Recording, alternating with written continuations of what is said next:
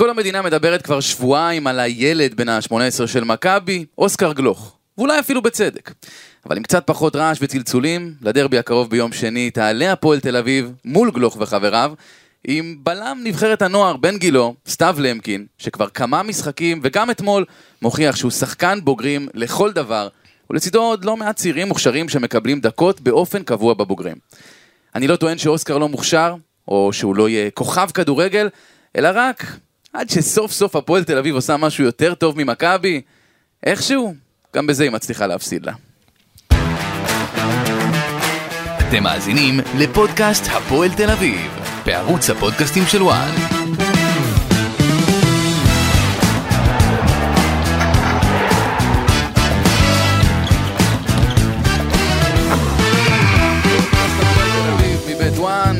באמת חשבתם שנשאיר את הבמה לפודקאסט של מכבי תל אביב ומכבי חיפה בלי תשובה? אז הנה הגיע התור של הצד האדום בעיר. אנחנו נדבר כאן בכל שבוע על כל העניינים הבוערים, ננתח את המשחקים שהיו, נתכונן למשחקים הבאים, ונביא סיפורים גם מאחורי הקלעים. אני גיא דר, לצידי שני כתבי וואן, אהלן איציק קלפי. אהלן, אהלן. אהלן תומר חבאז. אהלן אהלן, חג שמח. כן, אז היום אה, ננתח כמובן את הניצחון הדי מרשים אפשר להגיד על נתניה, ננסה להבין את המצב האמיתי לגבי המפעלים האירופיים, והאם יש סיכוי שזה ישתנה.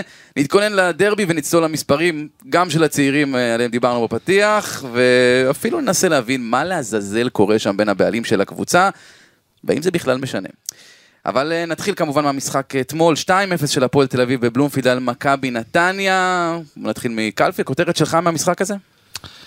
היה משחק מאוד מאוד רגוע, אני חייב להגיד. היה משחק כיף אה, לצפייה, מבחינת אה, אוהדי הפועל תל אביב. אני חושב שמה שהיה מפתיע אותי במשחק הזה, שאנחנו ראינו באמת סוג של איזה אה, שליטה כזאת של אה, קובי רפואה במשחק, ברמה כזאת שאני לפחות מהיציע לא הרגשתי שמכבי נתניה באמת קרובה לתת את השער המצמק, או, או אה, קרובה לעשות את, את התיקו 2 הזה שעשתה בסמי עופר. אני חושב שהפועל תל אביב עמדה נהדר, בכלל, כל הערב הזה עם הטקס שהיה לתומר מורד, זיכרונו לברכה, היה מאוד מיוחד, מאוד מרגש. זה הרגיש לי את האווירה שהייתה לפני המשחק נגד באר שבע, מבחינת שהרגשתי את כל המועדון מלוכד ומאוחד סביב המטרה, והפעם זה הצליח בצורה יותר חלקה. אה, קובי רפואה הצליח אה, אה, לשים את הדגשים הקטנים האלה כדי למנוע את הנפילה, כמו שאנחנו זוכרים בסמי עופר, שמכבי נתניה חזרה בעשרה שחקנים, וכנראה שמכבי נתניה, אין מה לעשות. אה, כשמרחיקים לשחקן היא קבוצה יותר טובה, אני לא יודע למה זה קורה. כן, מפתיע. אולי אתה תגיד את זה חבאז, אבל אה, באמת בגדול הפועל תל אביב עשתה את הדברים נכון. אה, היו כמה טעויות, אבל אה, קובי רפואה בהחלט יכול להיות מרוצה. כן, אנחנו נצלול לזה עוד אה, בהמשך בדיוק. ממה הוא יכול להיות מרוצה. חבאס, כותרת שלך? הבשורה שלי, קודם כל בתור כתב מכבי נתניה, אני לא ראיתי אף קבוצה שבאה, ואני קורא לזה עושה בית ספר למכבי נתניה במרכז המגרש, הרי מדברים כל הזמן שלמכבי נתניה יש את הקישור הכי טוב אה, אחרי מכבי חיפה, היא זכתה לכל כך הרבה סופרלטיבים, אתמול, נוקאוט אדיר של קובי רפואה לבן אילם במרכז המגרש. וגם צריך להגיד, קצב צבירת הנקודות של הפועל תל אביב בפלייאוף העליון עד עכשיו, אפשר להתייחס שאולי ירד הלחץ כי הם כבר הבטיחו את הפלייאוף, שגם מקום רביעי לא יביא להם אירופה בגלל כל הסנקציות, אבל הפועל תל אביב, שבע נקודות במשחקים האחרונים, משתפרת, נראית בשיא כושרה דווקא בשלבים המכריעים, וזו נקודה שצריך לשים לב ולהחמיא גם לקובי רפואה. לא, זה גם שבע נקודות מול קבוצות הפלייאוף, שבכל העונה הסדירה בשני סיבובים היה להם, אם אני לא טועה, ארבע נקודות מתוך 40, מס- 40 נקודות אפשריות מול קבוצות הפלייאוף. כן, יכול להיות שאתה צודק, שירד הלחץ, אז אפשר פתאום, אה, להגיד, זה או ירד הלחץ, או הם באו ממוק- ממוקדים פתאום, אבל זה לא מובן מאליו, כי אתה יודע, אתה בא לפלייאוף, אתה בא שאתה יודע במרכאות שאין לך על מה לשחק עם כל אי הוודאות בנושא אירופה, ובכל זאת, הפועל תל אביב מצליחה להרים את עצמה, להיות תחרותית ולהיות uh, קבוצה שבאה לכל משחק במטרה לנצח, רק על זה אולי מגיע להם שיסתדרו שם הסנקציות עם אירופה והם אה, באמת יהיו ב fair fight עם הקבוצות מבחינת הסיכויים. כן, אנחנו עוד נדבר גם על הנושא של אירופה בהמשך, כי לדעתי יש שם בלאגן ולא כולם באמת מבינים מה, מה הולך שם. אה, נצלול קצת... דווקא זה מאוד פשוט. כן? דווקא זה מאוד פשוט. אתה, אתה רוצה להתחיל מזה? הסיטואציה עצמה היא לא פשוטה, כן, אתה יודע. בסופו של... אבל בסופו של דבר צריך להבין, הכל מתחיל ונגמר בכסף. אה, הפועל תל אביב הגישה את הבקשה שלה לרישוי מועדונים, אה, שם מן הסתם מעקמים פרצוף אה, בכל מה שקשור לעניין. בוא, בוא רק נעשה סדר. הרישוי מועדונים זה יושב בארץ, אבל זה כאילו חיצוני הם להתאחדות, נכון? כפופים אה, לוופא ופיפ"א, מן הסתם. אוקיי. וברמת העיקרון מבחינתם, הפועל תל אביב, אתה יודע, יש את הסיפור שהיה שנה שעברה ולפני שנתיים, שלא קיבלו אה, בסופו של דבר את הרישוי. עדיין אין החלטה, צריך להגיד את זה. עדיין אין החלטה של, ה, של הוועדה לרישוי מועדונים. אה, מבחינתם, צריך להגיד דבר כזה, אה, הכל מתחיל ונגמר בכסף. אם הפועל תל אביב אה, תפקיד ערבויות, אוקיי? היא תוכל לשחק באירופה. עכשיו זה בעצם, אנחנו מסבירים כאילו בגלל, בגלל הכס, בגלל התביעות בכס, שכאילו נכון. יכול פתאום ליפול על הפועל חובות ענקיות. צריך להגיד, עדיין הפועל תל אביב לא קיבלו תשובה שלילית. אה, לפי מה שאומרים לי בהפועל תל אביב, ההחלטה ככל הנראה, ההחלטה הסופית, אה, תהיה בתחילת אמצע חודש מאי, כבר יצטרכו לקבל את ההחלטה. אה, אין עדיין החלטה מבחינת ועדת הרישוי, שהפועל אפילו יכולים להגיש ערעור על ההחלטה, זה עדיין לא נמצא שם. הם בוחנים את זה, מן הסתם יש סקפטיות לגבי העניין הזה, כי צריך להביא פה ערבויות של הרבה מאוד כסף. אבל, וזה השינוי, אם הפועל תל אביב תהיה באירופה בסופו של דבר, ותהיה במקום שמוביל לאירופה, ושם יוכלו להסתכל ולחשב גם את ענייני כרטיסים, אגב, זה, זה ערבויות של וכולי. 15 מיליון שקלים, זה הרבה כסף, נכון. יודעים שזה בשביל הפועל במיוחד הרבה הרבה, מאוד כסף. כסף, לכן, אתה יודע, יש כאלה שיבואו ויגידו, הסיכוי קיים, כי אם מישהו שם את הערבויות האלו, הפועל תל אביב כן תשחק באירופה וכן תקבל את הרישיון. יש עליך 15 מיליון? השאלה... אתה רוצה לשים? זהו. השאלה, מאיפה הביאו את הכסף? אבל קלפי, אתה? יודע, נראה לי שדווקא כל הקטע הזה שההכרעה בנושא הזה אה, תגיע בתחילת מאי, אמצע מאי, זה דווקא טוב להפועל תל אביב. כי אם הם היו יודעים עכשיו שהם לא נכון. משחקים, יכול להיות שהייתה איזושהי ירידת מתח. נכון. זה שהם יודעים כל שבוע שהם באים לשחק, ושיש סיכוי בסופו של דבר שזה יסתדר, זה עוזר להם לשמור על איזושהי רמת דריכות מסוימת, נכון. שלא הייתה מתרחשת אם היו יודעים שהם לא נעשה שם. את הפרשנות, פה כל אחד יעשה את הפרשנות שלו. אם הפועל תל אביב באמת יכולה להביא את ה-15 מיליון שקלים, קלפי, אני מכיר את אבי לוזון, אולי נמליץ אה, להפועל תל אביב להתייעץ. איתו שם עם ה- כל העניינים של ה- של האשראי ושל ה... אבל באמת, הפועל תל אביב תצטרך להביא מאיפה שהוא אה, סכומי כסף מאוד גדולים. אם היא תשים את הערבויות, היא תקבל את הרישיון. שאלה פה, וכל אחד יעשה את השיקולים שלו, וכל אחד יעשה את המחשבות שלו, האם הפועל תל אביב באמת יכולה להביא סכומים כאלה אה, ולשים אותם בתור ערבויות, רגע, ואז בעצם מותר את לקבל את הערבויות הרישיון. לשים בתמונות או בביטקוין, כי שמעתי זה- שזה עובד מדי פעם. לא, אבל גיא, גם אתה יודע, פעם היו עושים אה, קמפיין של גיוס של אוהדים, אז אם לפני שמונה שנים, אני לא טועה, בתקופה של חיים רמון, היו מגייסים כספים מהאוהדים להחזיר את איתי שכטר, אולי כן. עכשיו אה, גייסו כספים אה, להשאיר אותם באירופה. ובהצלחה עם זה. למרות שזה סכום שנראה לי קצת נהיה כן. יותר כבד. כן, מה שכן, אנחנו קרובים מאוד לקראת החלטה.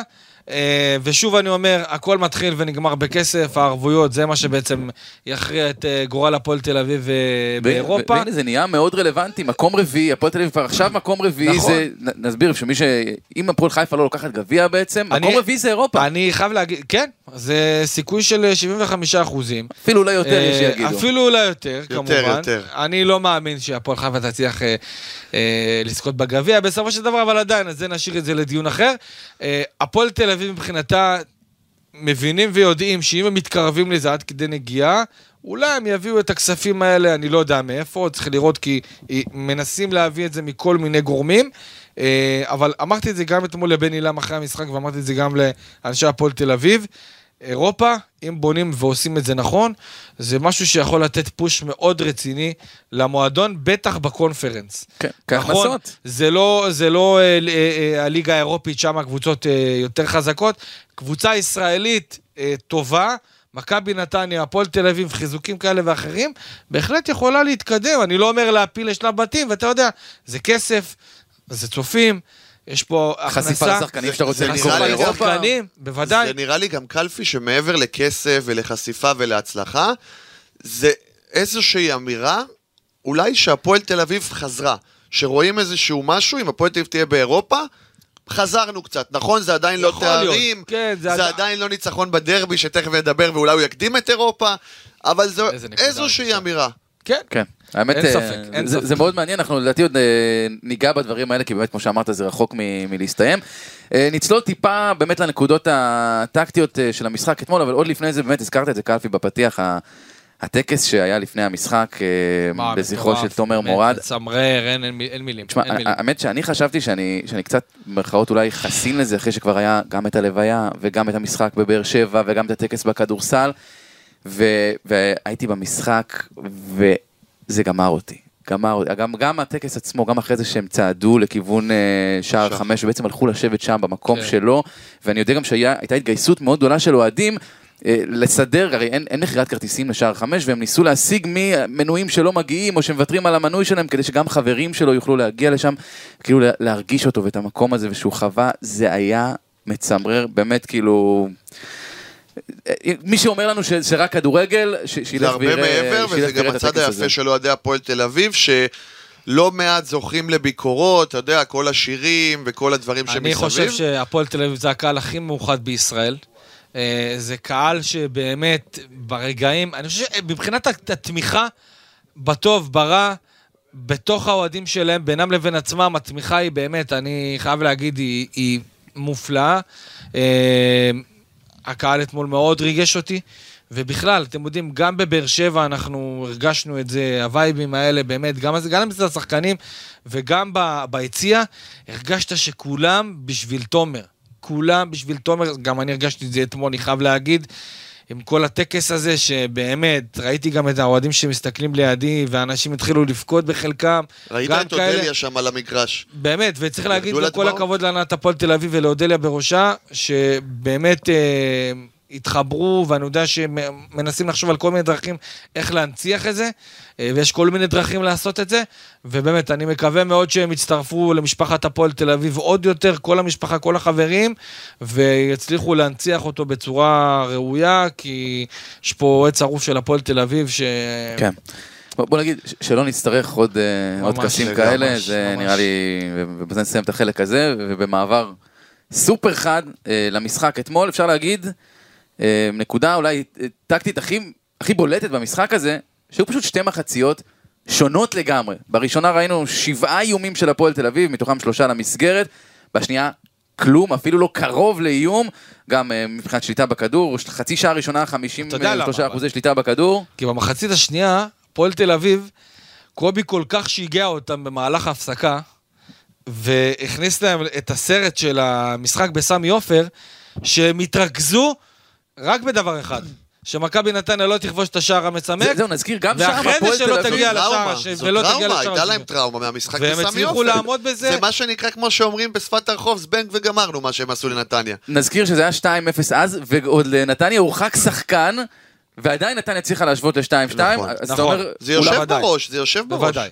בוודאי, זה יושב בראש, ו, וגם אתמול בתדריך, אה, גם אה, קובי רפואה, גם טועמה וגם קוסטיקה, היו חזק מאוד על הקטע המנטלי, לא לאבד את הראש, ולהשאיר את השחקנים מפוקסים, ולא לחלק את המתנות שהיו במשחק אה, בסמי עופר.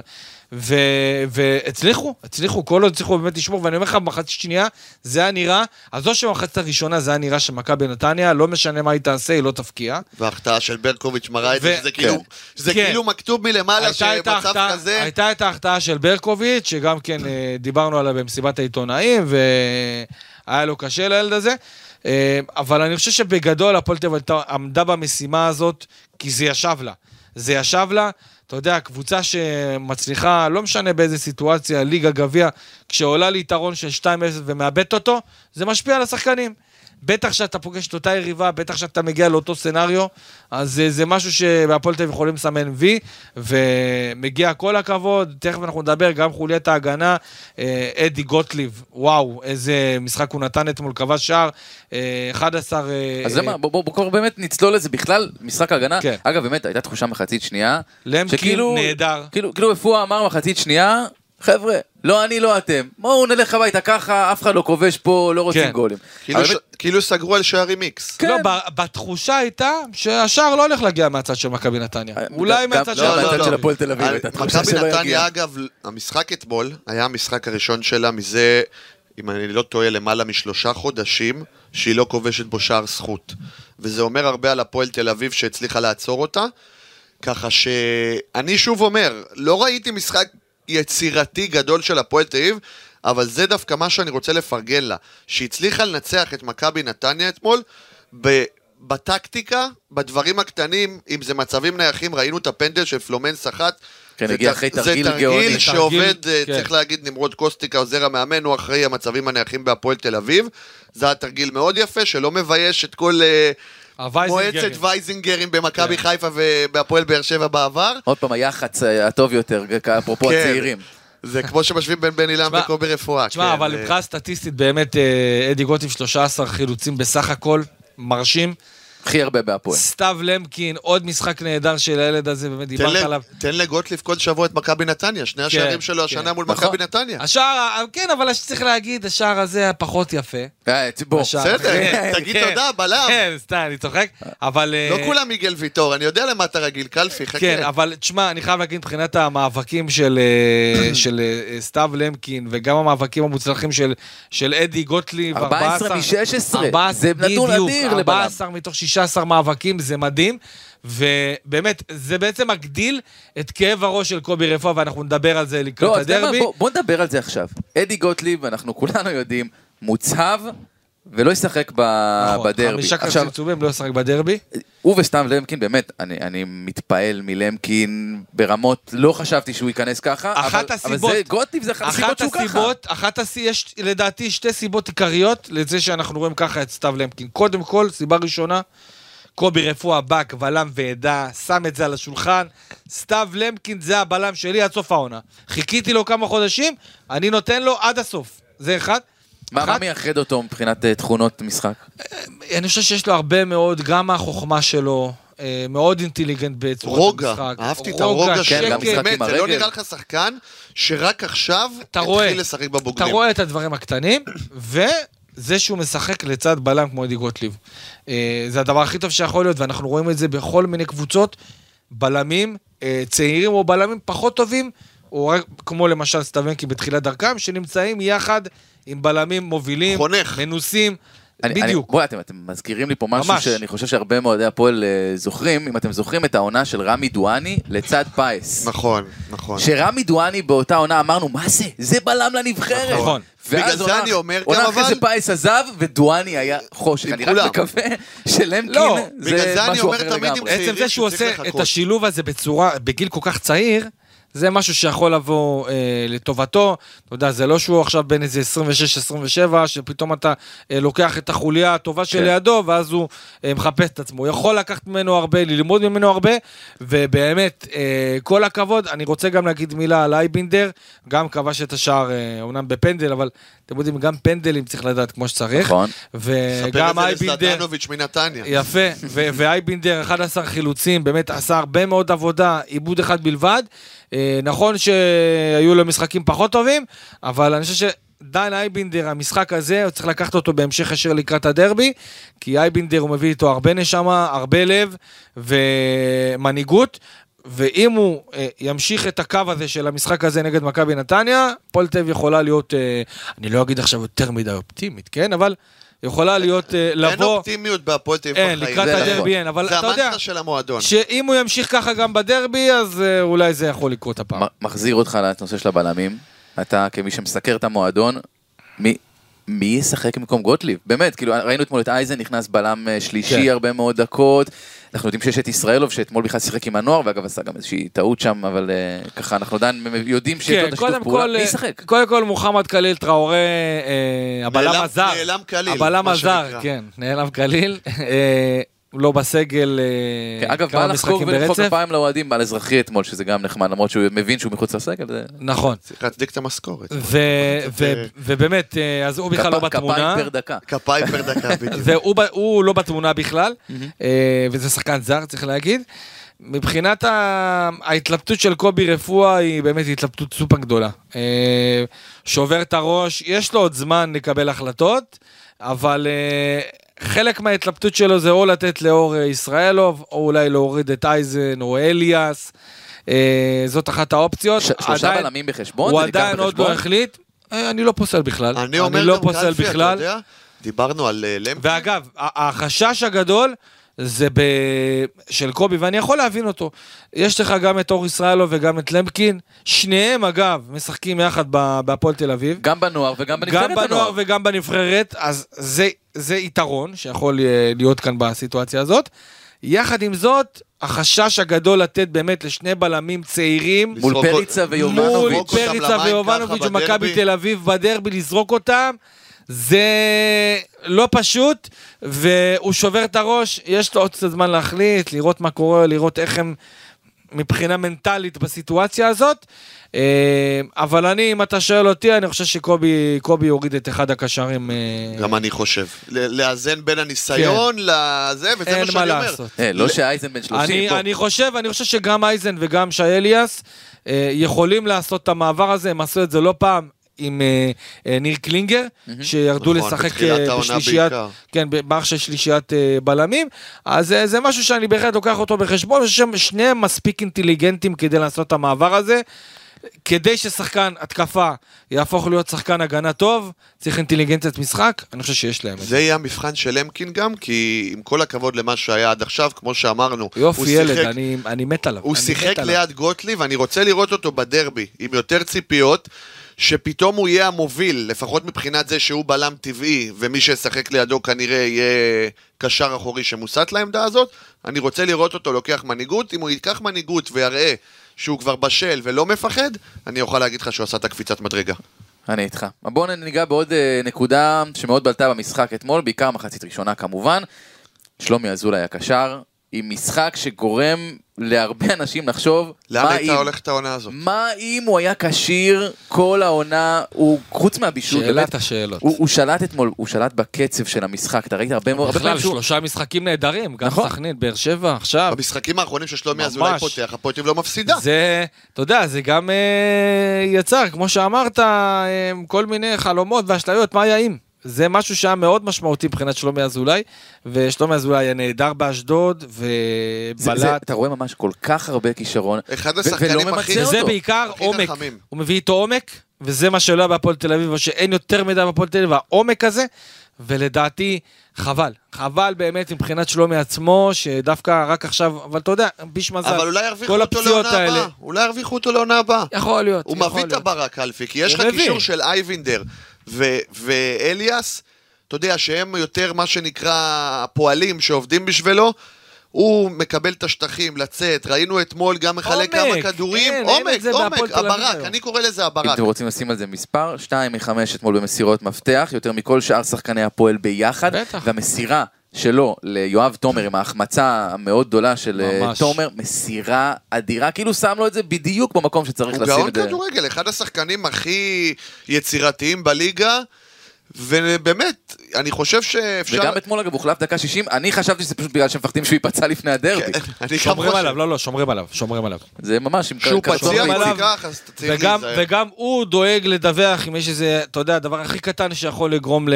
להוציא אותו, כדי באמת לשמור אותו כמה שיותר, ובטח, ואני אומר לך שגם חשבו על הדרבי פה. חד אלפי. גם, אתה יודע, אתה חי את הקבוצה יותר, מרגיש לי שקובי גם לקח אותו כאיזשהו פרויקט, אני רואה, לא פרויקט נגיד, אבל אתה יודע, הוא מדבר איתו הרבה, נכון. הוא רואה בו כשחקן הזה שהוא שם אותו, זה היה אייבינדר אולי בתחילת שנה, עכשיו זה שלומי ככה, המאמן שלו על המגרש. קובי גם ראה בדיוק אה, נגד בני סכנין, הוא ראה כמה שלומי יכול לתת לו, למרות שבהתחלה זה לא הלך הכי וואו אה, ביניהם. אתה יודע, גם הוא היה צריך להכיר אותו יותר וגם אה, קובי היה צריך להכיר אותו יותר, ועכשיו אנחנו רואים שקובי רוצה לתת לו ושומר אותו בצמר גפן, כדי שחלילה הוא לא ייפצע, אבל אה, שלומי אזולאי באמת, כמה חבל כל הפציעות האלה. כן. כמה חבל, הפועל תל כל כך ליהנות ממנו, שזה באמת פספוס גדול. אני מקווה בשביל שלומי שהוא לפחות את הסוף העונה יעשה כמו שצריך, בלי פציעות מיותרות, כי אתה יודע, כבר אנחנו ראינו אותו העונה, נפצע וחוזר, נפצע וחוזר, וכאב לי הלב על שלומי. אגב, פציעות ו- ושלומי עם אזולאים, אה, באמת כן. במ- במילה, שלומי בספק אזולאי חלוץ. יהיה כשיר או לא כשיר? בספק גדול לדרבי. כי אתה יודע, יואב. תומר לא היה כל כך טוב. בספק גדול לדרבי, אבל אתה יודע, ייקחו כמה ימים, שלומי מבחינתו לא רוצה לפספס את המשחק הזה, אה, מן הסתם, אתה יודע, ברור. דרבי כזה, כל דרבי, אף אחד לא רוצה לפספס אותו. במיוחד שהפועל מרגישה שהיא עכשיו יכולה לעשות את זה. כן. אבל אולי אה, יעשו חבל, הסבה. חבל רק, אה, חבל רק שהדרבי שהפועל מארחת זה בסיבוב השני, כי עם הקהל, כן, ובאמת אם אנחנו כבר רואים- להכות בברזל בעודו נכון, חם, זה עכשיו. אם הפועל הייתה מארחת את, ה, את המשחק הזה, את הדרבי הזה, עכשיו, הייתי מגיע למשחק הזה מאוד אופטימי, גם עכשיו אני אופטימי, אני חייב להגיד, גם עכשיו אני מאוד אופטימי. אז בוא, ו- בוא, באופטימיות הזאת, בואו בוא באמת נהיה קצת עם השניים, שלושה, או מי המצטיין של כל אחד מכם מהמשחק אתמול? אני מאוד אהבתי את uh, פלומן, ואני אגיד למה, כי זה לא רק אתמול, אני מסתכל על כל המשחקים שלו בהפועל תל אביב, ועל כך שאמרו שהוא בא לפה בלי כושר, וקובי רפואה אמר, אין לי מה להפסיד. לא יהיה טוב? בסדר. קורה, זה לא שכאילו בניתי על זה לפני זה. ואני מאוד אוהב שהוא מוסיף המון תחכום להפועל תל אביב, ביחד עם שלומי אזולאי, כי עד עכשיו זה היה דוידה והיצירתיות של דוידה. פלומן מצליח לאזן את זה, ובעיקר אני מרגיש שקצת, הרי היו הרבה דיבורים על בעיות ועל זה שהראש שלו לא תמיד היה במקום, אני רואה פה פלומן אחר ברמה האישיותית, ואני מאוד אוהב את זה, ויהיה לו משמעות מאוד גדולה בדרבי. גם בשפת הגוף של אה, פלומה, רואים את זה שהוא יותר רגוע. אגב, בוא נעשה סדר. פחות. פלומן. אני פלומן. ב- שאלתי, ביררתי, לא פלומי. פלומה. פלומה זה זה עם כלומר זה מה. שיש לך כן. בשערות, כן. אז פלומן, סבבה. טוב, אז... יש גם אה, קמפיין טוויטר מאוד חזק על זה, שלקרוא לו ככה בצורה אז הנכונה. באמת רואים שהוא יותר רגוע בתגובות שלו, יותר מתון, זה לא השחקן הזה שהיה משתגע בחדרה ובביתר. אה, אני רוצה לגעת פה בנקודה, אה, קודם כל, נותן לגוטליב, המצטיין שלך זה גוטליב. נותן לגוטליב, ואני רוצה מילה טובה, בוגדן סרנבסקי, כן. שומר על רשת נקייה, המשחק שלו עם הרבה יותר ביטחון, עדיין יש כמה דברים קטנים שקצת גורמים לך לחשוש, אבל אני חושב שדווקא המשחק הזה, וזה שהוא שמר על רשת נקייה, ולא ספג שער, זה משהו שבהחלט יכול לתת לו ביטחון לקראת הדרבי. ביטחון לשוערים, אתם יודעים כמה זה חשוב, ו... לגמרי. אה, אני מכיר את זה מכל הקבוצות השונות, זה מאוד מאוד חשוב, ומגיעה לו מילה טובה. אה, גוטליב אה, שמונה, אייבינדר לדעתי גם משחק נהדר, אה, שבע הייתי נותן לו, וגם דורון ליידנר אה, נתן משחק מצוין. מאכזבים יש לכם? מישהו רוצה לתת... אה, יואב תומר היה פחות טוב, נכון. אני לא יודע אם להגיד מאכזב, כי אתה יודע, יחסית. יואב צריך תומר, אני לזכור לו חושב את מה ש- שהוא עשה עד עכשיו. יואב תומר לדעתי אחלה שחקן, ובאמת בן אדם מקסים. יכול מאוד להיות שהוא... קלפי נהיית מנתח. לא, לא, לא. יכול להיות שהוא, ממקם את עצמו בתור שחקן כזה, שמה לעשות, עולה מהספסל? עולה מהספסל. יש שחקנים כאלה. כן, ויש שחקנים כאלה, ואנחנו ראינו העונה בהפועל תל אביב, כמה שערים חשובים הוא נתן לה. מהספסל, בדקות סיום, בדקות קריטיות, זה מראה שיש לו קור רוח, שהוא יודע לבוא ברגעים, ה- ברגעים הקריטיים, אבל אולי משהו שהוא, כשהוא פותח את המשחק הזה בעניין העצימות, זה משהו קצת יותר, יותר נמוך. אני ו- אוסיף על- אגב עוד אה, מישהו שטיפה אולי אכזב אותי, לפחות מחצית ראשונה, מחצית שנייה השתפר, זה בן ביטון, שפרפגו יגון, מזל שהוא לא במכבי, כי כי הוא עשה כן. לו בית ספר מחצית ראשונה, עבר אותו אבל בלי הרבה שמאל. תכלס. נכון. בלי הרבה זה- תכלס. זה היה לו הרבה גם כי מזל. אם גם. תשאל היום את מכבי נתניה, גויגון הוא בין המאכזבים. נכון. אז אתה יודע, כן. יש לעבור אותו. ויש לעשות משהו. אוקיי, ובואו ניגע בעוד מישהו ש, שעוד לא דיברנו עליו, וזה בדיוק הזמן, ונעשה את זה גם עם, אה, עם נתונים. הנה נתון לוויכוח. נתון לוויכוח. מצחיק אותי שזה גם אני בפינות. אז ה- הנתון לוויכוח היום, שאנחנו נדבר עליו, זה אושר דוידה, ו... אז ככה, זה לא רק שיש לו שער אחד בשלושת החודשים האחרונים, אגב זה אותו שער בהפסד בדרבי, כן. אתמול הוא היה רק עם אחד מתשע במאבקים מוצלחים, הוא לא בעט לשער בכלל, וחוץ מהמשחק, באמת, הוא לא שיחק טוב, הוא הוחלף דקה 71, והוא ירד עצבני לספסל, ממש. בעט שם בדברים. זה לא מאפיין אותו. כל כך, זהו, נראה מה- לי. מה קרה שם? גם ו- שם? ותהיה בטוח שאחד כמו קובי רפואה לא אוהב לראות את הדברים האלה, ולא יפתיע אותי אם אנחנו, אם זה יגרום קצת לאיזושהי סנקציה. אה, ספסול בדרבי? אני לא, לא, לא אמרתי ספסול, אבל אה, בהפועל תל אביב לא אוהבים את זה, בוא נגיד ככה. אני חושב שיש פה ירידה, יש אבל פה אבל מה ירידה. בפנים? מה קורה לו? רואים מה- מה אותה, זה מרגישים? אותה. תשמע, זה הרבה דברים מסביב, זה גם, ה, גם ה, ה, אתה יודע, הפזילה שלו לכיוון אה, מועדון אחר בחו"ל, או, ל, או לכיוון הצעד הבא שלו בקריירה. ואנחנו גם כן אה, ראינו, אני לדעתי, גם כל הסיפור שקרה סביבו, אוקיי, לפני המשחק של הנבחרת, זה גם משהו שמשפיע, קצת אולי הרים לו את האף יותר מדי. ו- כן, זה ו- שניסנוב שם הלך לתקשורת, אמר, איך זה יכול להיות שהוא לא משחק, איך זה יכול להיות שהוא לא פותח. כאילו, קצת, קצת פאסון בעניין הזה, ואני חושב שבכלל, בהפועל תל אביב, צריכים לראות איך הם, מנפ... איך הם אה, מנפים את הסיפור הזה עם אושר דוידה, כי בסופו של דבר הם רוצים למכור אותו, ורוצים. לעשות עליו קופה, וככה זה לא יקרה. וגם דוידה בעצמו יצטרך אה, לשבת עם עצמו אה, ולראות איך הוא מוציא מעצמו יותר ואיך הוא מחזיר את הרוגע הנפשי שלו כדי שהוא יוכל לתת אה, שערים גדולים כמו שאנחנו ראינו אותו שדוידה עושה שערים גדולים ואולי גם להיות קצת יותר תכלס ויותר קבוצתי כי כל הדריבלים האלה שהוא מנסה לעשות זה גם משהו שפוגע בו וגורם לו להרבה מאוד עיבודים. היה אתמול ממש יחסית בהתחלה איזשהו דריבל שהוא ניסה מימין, במקום ללכת לקו, הוא נכנס לאמצע לרגל נכון. שמאל ואיבד את הכדור מאוד ברשלנות. ממש. ושמעת את כל הקהל גם, כן, עם זה מעצבן. האור הזה. זה ש- אין, זה מעצבן. קשה. כי אתה רוצה לראות משחק קבוצתי, אתה רוצה לראות את דוידה משתמש ביתרונות שלו לטובת הקבוצה. יש מקרים שכן. והוא הצליח לעשות את זה בתחילת לך, עם השנה. ה, לך עם הדריבל שלך, הכל בסדר, אבל יש הרבה קטעים גם שאתה רואה את זה מהיציע, ואתה, בא לך, בא לך, אני לא יודע מה לעשות. יכול באמת. להיות שזה גם קצת פגע בו, שבתחילת שנה הוא היה רגיל במרכאות להיות אסטר, השחקן היצירתי נכון. שהפועל תל. אולי עכשיו שבא פלומן, אני מקווה שאמרתי שוב בסדר, ושלומי אזולאי, עוד שחקנים יצירתיים, שהוא פתאום לא ה star הראשי, יכול להיות שזה גם פוגע באיזון איפשהו. שזה לא שפתאום באים עוד שחקנים וגונבים את ההצגה, נכון. ואתה כבר לא השחקן שכולם מדברים עליו, שאתה הכוכב ואתה יצירתי, זה יושב בראש איפשהו, והוא צריך לעשות את ה upgrade הזה, פתאום להבין שאתה עוד חלק מה, והפועל תל אביב לא רק בונה עליך כמו בתחילת שנה, שקלינגר, אתה יודע, הלך איתו כאילו זה הכוכב הראשי. הלך איתו חלוץ. ואני גם. חושב נכון. שלגבי דוידה, משחק כמו דרבי, יכול להחזיר אותו לגמרי. לעניינים. יכול להחזיר אותו אתה לעניינים. לא יכול להיות אדיש לזה. ראינו אותו, ראינו אותו שם גול בדרבי, זה יכול לקרות גם הפעם, וזה משהו שיכול לתת לו את הדחיפה הזאת אה, ולהחזיר אותו לעניינים. וגם הוא יודע שאם הוא באמת רוצה לעשות את ההתקדמות הזאת מתישהו, הוא חייב לסיים עונה כמו שצריך, ו...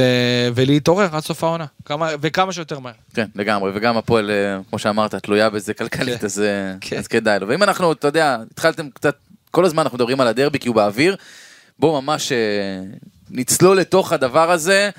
קודם כל, אולי השאלה הכי הכי גדולה שכל אוהד הפועל שואל את עצמו, למה שהפעם זה יהיה אחרת?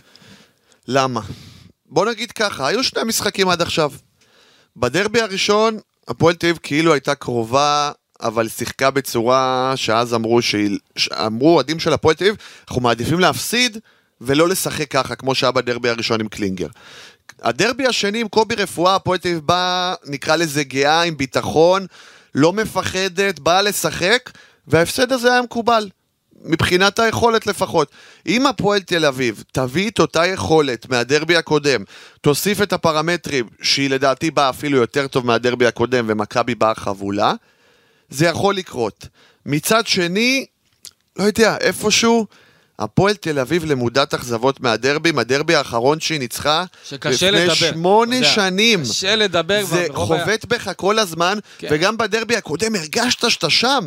ואתה בא לנצח, ובסוף אתה מקבל את ה... במרכאות הדקירה הזאת בלב בתוספת הזמן. לדעתי זה הרבה הרבה יותר מנטלי מאשר מקצועי. ואגב, גוטליב אותו יותר. גיבור, אנטי גיבור כן. מהמשחק הקודם, שלא משחק תשמע, עכשיו. גם- אני גם חושב שלחצי גמר גביע נגד הפועל אה, באר שבע יש משקל מאוד משמעותי.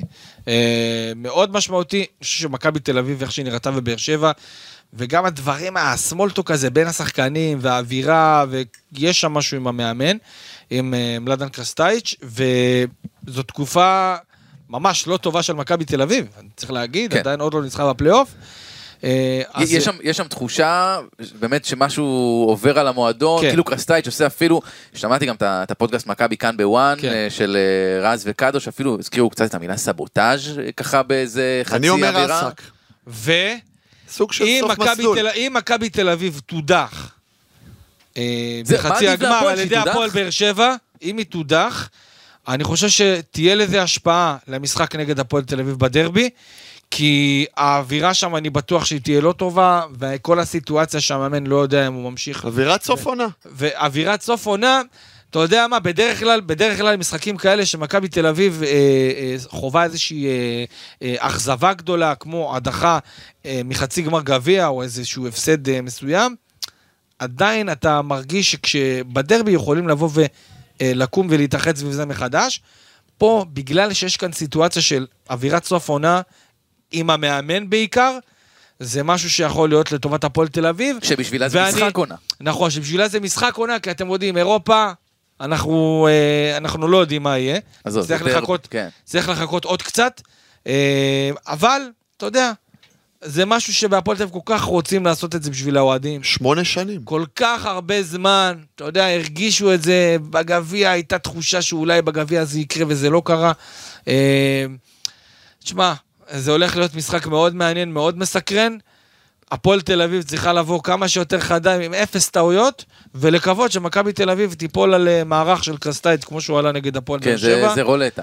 ממש ככה. ואם לעודד אותם, אגב, את הפועל תל אביב, אתה יודע, אנחנו מדברים על העניין המנטלי, לא, שיהיה משהו חיובי, כן. כאילו, די, אי אפשר כל פעם אוהדי הפועל, נועדנו לסבול ואנחנו עצובים.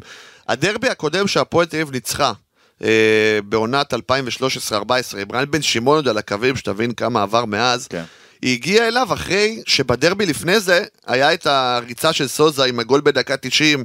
גם אז הפועל הייתה מרוסקת, אני זוכר שחקנים, והיא תיעלה את זה, את הדיכאון ואת האכזבה, לדרבי בו היא רצתה יותר, ובאה נחושה לנצח עם אותו גול של דגני, פצצה מחוץ להרחבה.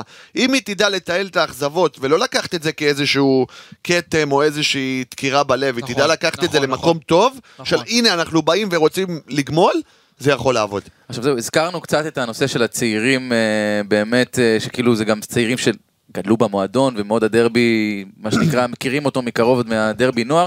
סתם קצת ככה לתוך המספרים, אז בהפועל תל אביב, 1,150 דקות כבר העונה לשנתונים אה, 2003-2004, חמישה שחקנים ששותפו, וזה עוד מבלי שאני בכלל מזכיר את דורון ליידנר, שהוא בן 19, כן, הוא. שנתון 2002.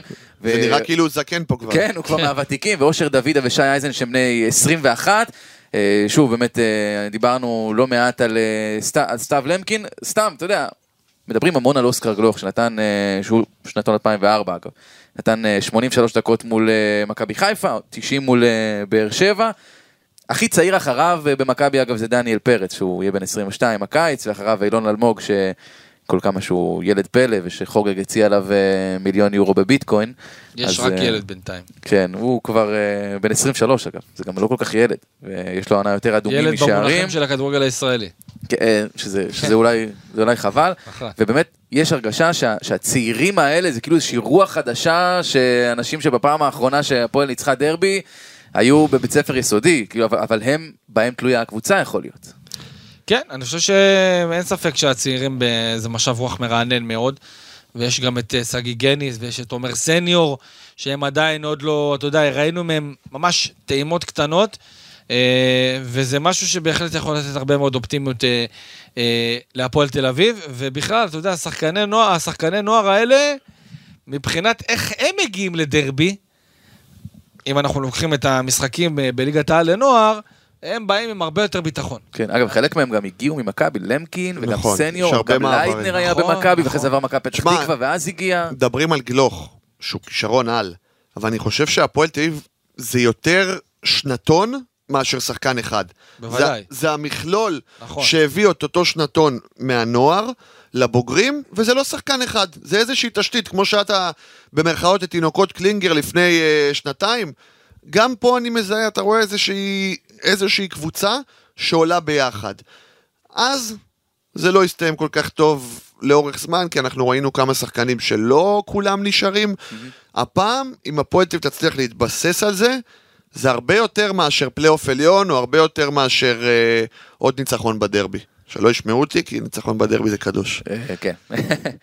אה, מפתחות אה, מבחינתכם, מפתח או שניים לניצחון אצל הפועל? אה, אני אתחיל עם אה, דן אייבינדר, קודם כל, ואני חושב שבוגדן אה, סרנבסקי, לדעתי, עם כמה שאתה יודע, אולי חושבים על שחקנים יותר משמעותיים ויותר אה, מהותיים, לדעתי, השוער צריך להיות ביום טוב, שורן קורנזי צריך להיות ביום טוב נגד מכבי תל אביב, כדי שהפועל תל אביב תוכל לעשות את זה.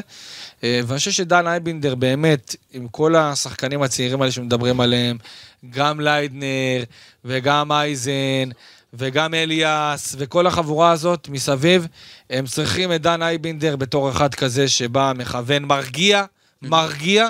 ואני רואה את איינבינדר עושה את זה לא מעט במשחקים, שיודע לכוון, יודע להרגיע, וגם יודע לעשות את הפרובוקציה הזאת כשצריך, אוקיי? אני ראיתי את זה גם בבאר שבע, שהוא ידע לעשות כמה, כמה דברים כאלה שהציתו את השחקנים שלידו.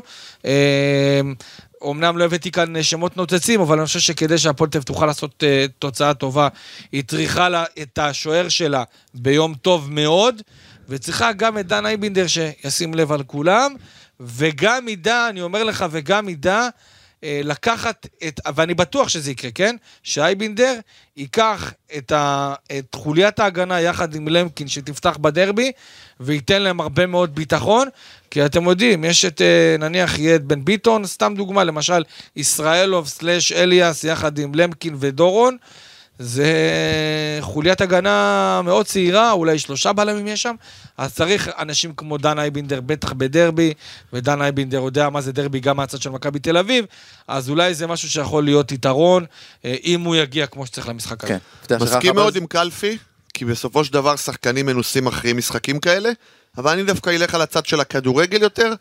דיברנו על שלומי אזולאי, אני חושב שאם הוא יצליח לס- לספק משחק טוב, משחק בו הוא יהיה בעל הבית וינווט את המשחק של הפועל, ואני מדבר על זה גם במצבים נייחים, כי אנחנו יודעים, ודיברנו על זה גם במשחק אתמול, כמה מצבים נייחים ודברים קטנים מכריעים משחקים גדולים, זה מה שיכול לעזור להפועל תל אביב, וכמובן למקין, אני אמרתי קודם, זה המבחן שלי, לראות כמה הוא בשל באמת להיות בלם, שמעכשיו יהיה בלם שיהיה בהפועל תל אביב כמה שנים, וכמו שציינת קודם, לא יהיה רמי דואני, שהיה מדהים באותה תקופה, עם אותו דרבי גם של 3-0, שהוא נתן נכון. את הגול בבולה, אבל נעלם ודעך בהמשך, והיום אני באמת לא יודע איפה הוא משחק, קראתי שהוא עשה את זה קאמבק, אבל מלמקי אני מצפה לעקביות, ושיהיה פה קבוע ויוכיח את זה בדרבי. מזדהה לגמרי, ואני חושב שגם יש איזושהי הרגשה, אם נסכם באמת את הנושא של ההכנה לדרבי, שניצחון כאן הוא זה שיבדיל בין הגדרת העונה של הפועל כעונה טובה לעונה זה מוצלחת. כמו תואר, זה כמו זה לגמרי, כמו תואר זה- לאוהדי הפועל תל אביב. זה יעשה איזשהו בכלל. שינוי באמת תודעתי לגבי איך אתה זוכר את העונה הזאת, ו-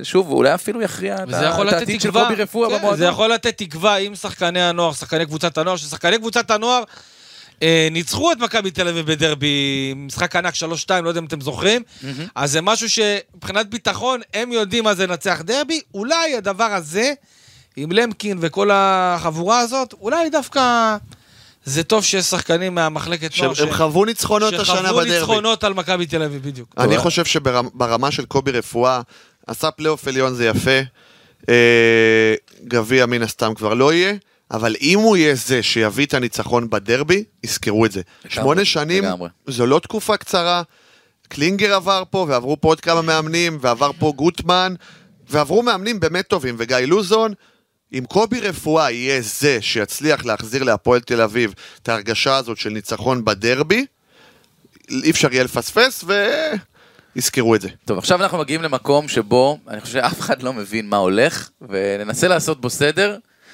מה קורה במאבק? הגרינברגים מול הניסנובים. מה, מה זה? מה המאבק שם סיפור, בין הבעלים? סיפור. מה הולך שם בדיוק? ו- ו- ושוב, אה, כמה זה משפיע בכלל? תשמע, גרינברג בסופו של דבר, נקרא לזה, רוצה לוותר על האחוזים שלו ובעצם לקבל את הכסף שהוא השקיע. רגע, בוא, אחוזים, כמה אחוזים יש לכל אחד? שם? 25 אחוז. אוקיי, 25 אחוז לגרינברג, כמה לניסנובים? לניסנובים ביחד יש אה, כרגע 37 וחצי אחוזים. אוקיי. לתושבים עוד 37 וחצי אחוזים, זה ממש... איפה שהכל ברבים גם, כן. מתחיל להזכיר את הדירקטוריון של חיים רמון, אבל בקדנציה הראשונה. זה תזכורת לא טובה. כן, בדיוק, אבל גרינברג רוצה בעצם ללכת במרכאות, ושיחזירו לו את הכסף שהוא השקיע. גרינברג לא השקיע כסף בתקופה האחרונה. אתה יודע, זה כמו משחקי הכסף, המשפחות. כן. זה משפחות האצולה. טרגריה, ניסן. אבל אתה יודע, בסופו של דבר גרינברג הרי גם ב- בתביעה המשפטית, עכשיו, הוא לא שם כסף בשנתיים האחרונות, לא, נכון? לא שם כסף, אבל בכל זאת, אתה יודע, הוא לא... הוא לא, הוא רוצה שיחזירו לו כסף, אבל באמת הוא לא שם כסף. ומצד אגב, סליחה שני... סליחה שאני קוטע אותך, גם ניסנובים גם ותושבים לא שמו כסף. בשנתיים האחרונות בהפועל זה, תל זה אביב. נראה לי איזשהו קרב זה- של אגו. אולי האוהדים לא יודעים. הוא רוצה שיקחו לו את האחוזים בתמורה לכסף. הם רוצים לנשל לו את האחוזים מ-25% ל-15% בגלל משהו באמת לטענתם אה, לא משפיע, לא משקיע. אז אתה יודע, זכות חתימה וכאלה. נוצר פה איזשהו קרב אגו, הם רוצים שבמצב העניינים החדש, התושבים ייקחו יותר אחוזים, שהם ירדו ל-25%, התושבים ל-50 וגרינברג ל-15. כאילו תושב- התושב פתאום יהיה חזק כן, במועדון. כי התושבים באמת משקיעים יותר. הם שמים את הכסף. הם שמים את הכסף, ו- ואני אוהב את זה שהם שמים את הכסף, אבל אתה שומע מהם הכי פחות.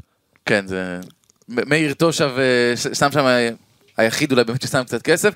זה, אגב, זה, זה נשמע על הפנים, באמת כל הסכסוכים האלה הם רק מזיקים תקשורתית, אבל השאלה האם זה משפיע באמת על המועדון? אני אוהב את זה, אבל שבאמת הם רוצים, אם יש משהו שיכול להחמיא להם, שרוצים לעשות את המודל הזה לפי מי משקיע יותר ומי משקיע פחות. וככה בעצם אה, אדון גרינברג נהיה- יורד ל-15 אחוזים, ואז בכלל זה... אולי זה יעודד את הניסנובים להשקיע יותר, אותו. לקבל יותר אחוזים, אתה יודע.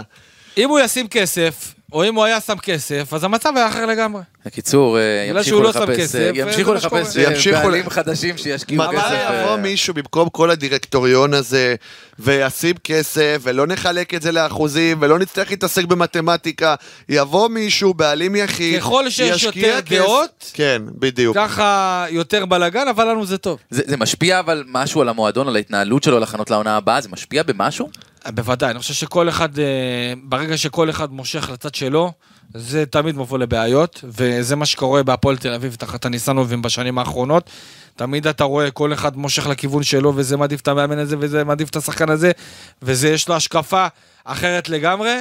אה, מה שבוקסה אמור אה, למנוע ברמת העיקרון, שכבר התחיל לעבוד, והוא כבר חזק מאוד בעניינים, והוא אמור להיות הגורם המאזן. זאת אומרת, אתם עכשיו לוקחים את בוקסה, הוא זה שאמור לקבל את ההחלטות, והוא זה שאמור להיות באיזון הזה, שבין המשיכות של כל אחד מהבעלים. בוקסה הוא מנהל מקצועי או מגשר? אני לא יודע מה, מה הולך פה. הוא יצטרך להיות עם הרבה תפקידים שם. יצטרכו לתת לו תוספת שכר, ולא נראה לי שיש שם בקצב הזה. תוספת שכר וסיכון. כן, יש לי הרגשה שעוד ניגע בנושאים האלה, כי זה רחוק מלהסתיים. תקשיב, הולך להיות קיץ שמח, ו... קלפי נראה לי אתה צריך לעבור לגור שם אני ב- קורן. באזור. אני- אני קורן לקראת אני רואה את. החיוך שלך.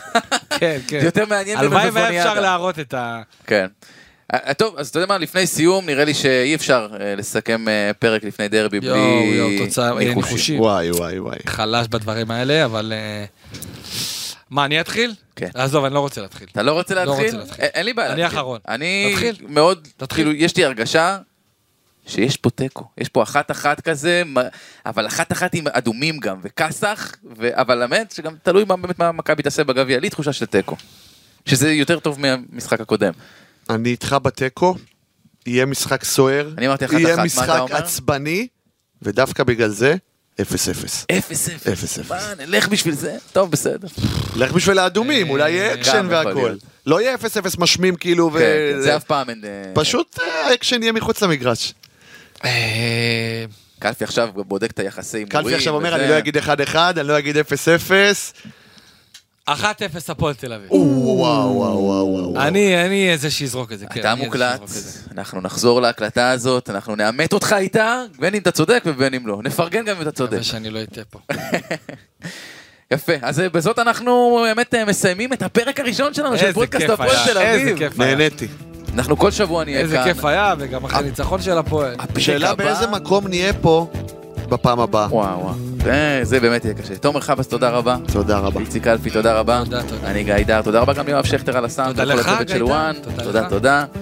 ואנחנו נשתמע כאן אחרי הדרבי. וואי. תלוי באיזה עם מצב הרבה רוח. אמוציות. תודה רבה.